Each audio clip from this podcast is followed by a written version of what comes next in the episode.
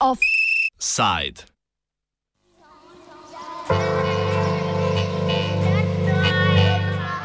Komu se svet vrti okoli davkov?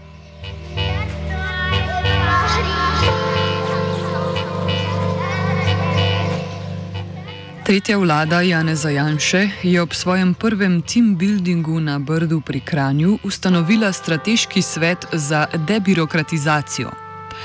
Na njegov vrh so postavili nekdanjega prvega dacarja Slovenije in kasneje Srbije Ivana Simiča. Predsednik vlade je ob tem omenil, da ima Slovenija 20 tisoč predpisov, informacija pa se verjetno nanaša na število podzakonskih aktov.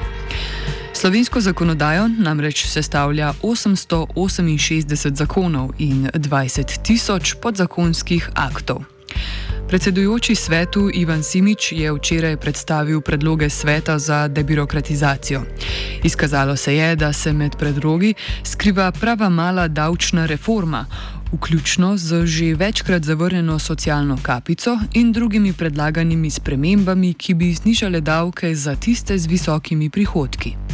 O predlogih je spregovoril Jože P. Damijan z ekonomske fakultete Univerze v Ljubljani.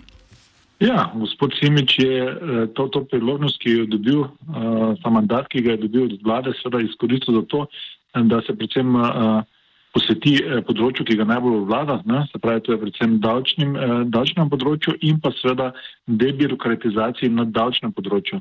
Tako da v samih teh ukrepih ne, ne prevladujejo uh, uh, predlogi glede davčnih sprememb in pa uh, glede davčnih postopkov.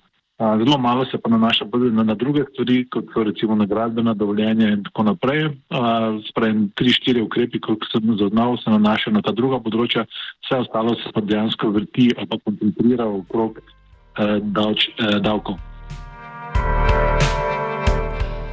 Največ pozornosti vzbuja uvedba tako imenovane socialne kapice, s katero bi bila določena maksimalna višina prispevkov, ki jih plača posameznik.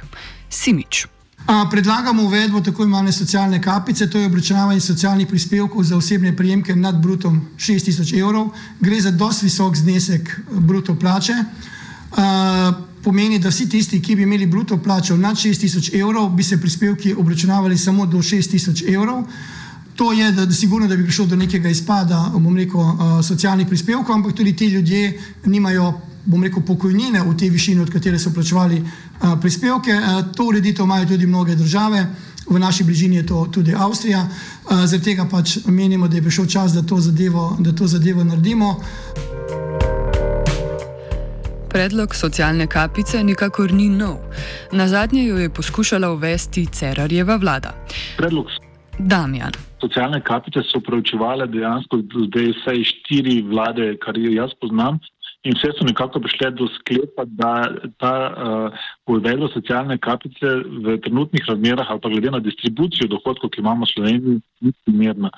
Namreč pri nas je eh, ključen problem, ne, da je večina ljudi v spodnjem delu eh, distribucije, v tem sredinskem delu distribucije, zelo malo pa je tisti z visokimi dohodki, kar je razlika do drugih držav.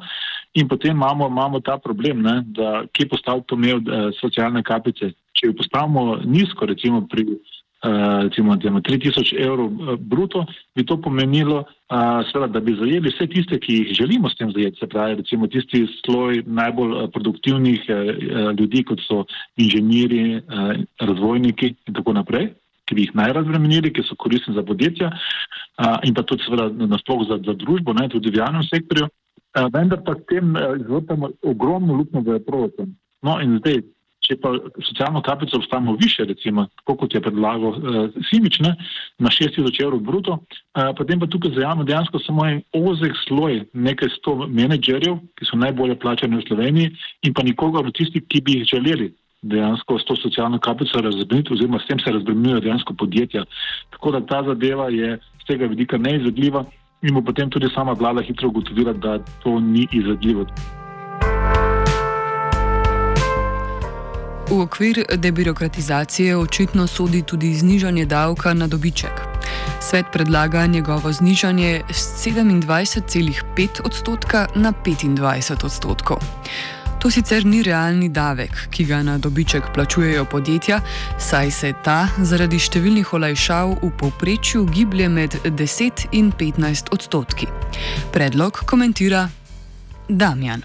Je, tukaj gre za predloge v to smer, da bi v bistvu naz, nazaj spravili ureditev, ki je veljala pred Bretončevo davčno reformo, ne, se pravi pred dvigom teh prispevkov iz 25 na 27 odstotkov, je pa to v nasprotju s trendom v drugih državah. Namreč, če pogledate ostale evropske države, ne, boste videli, da z vseh državah dejansko v pol letu 2009 dvignili te dajatve, spravi, više so obdavčili kapitalske prihodke in ne vidim razloga, zakaj bi jih Slovenija zdaj znižala. E, če pogledate samo primerjavo z OECD državami, boste videli, da je Slovenija tukaj glede obdavčitve teh dohodkov ne, v spodnji eh, kini, se pravi, med tistim najbolj obdavčene te, te prihodke.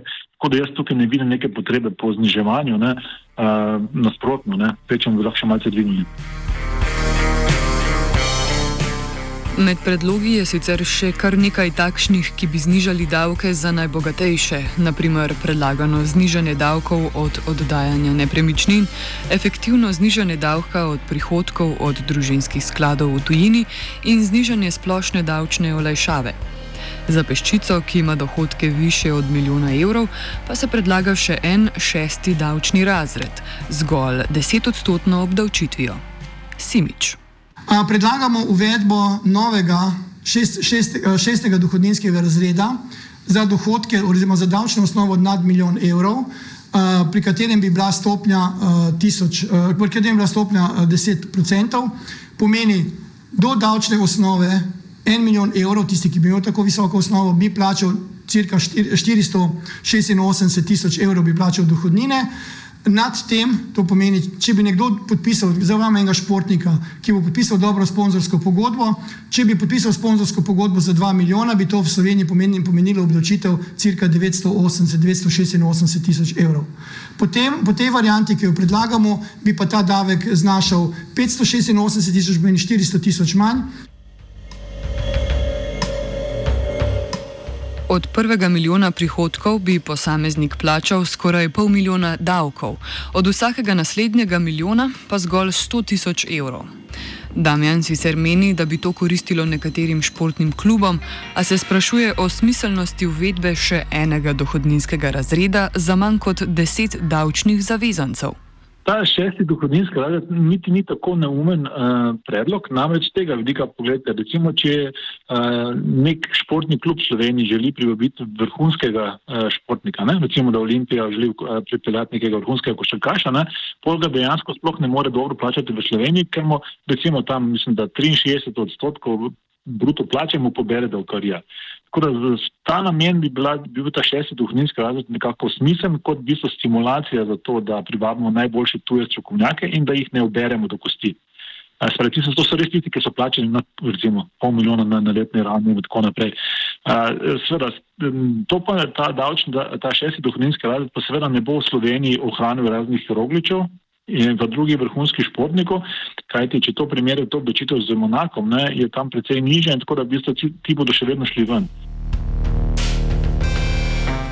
Predlogi očitno nosijo pečat predsednika sveta, torej Ivana Simiča, ki v zadnjem času deluje predvsem kot davčni svetovalec. Nekateri predlogi so namreč pisani na kožo prav tem. Potem imamo še naslednjo zadevo, boljša dostopnost zaposlenih uh, na finančni upravi Republike Slovenije v času uradnih ur.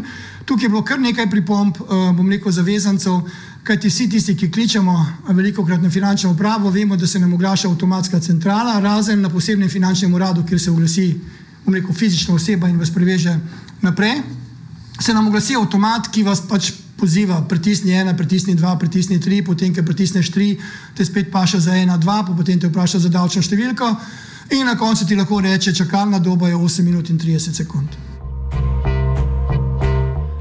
Predlogi, ki se ne tičejo davkov, so bodi si zelo ohlapni, kot naprimer poenostavitev pridobitve gradbenih dovoljenj in postopkov za pridobitev okoljevarstvenih dovoljenj, ali pa presenetljivo specifični, kot v primeru poenostavitev pridobitve dovoljenj za izrabo termalne vode v prekmurju in odprave birokratskih ovir pri postavitvi malih hidroelektrarn. Predloge druži njihova naklonjenost kapitalu. Najbolje to izraža predlog za uvedbo tako imenovane zlate vize, s katero bi bogati posamezniki, ki bi v Slovenijo vložili dovolj velik znesek, s tem pridobili pravico do bivanja, kot to velja naprimer na Malti in Cipru.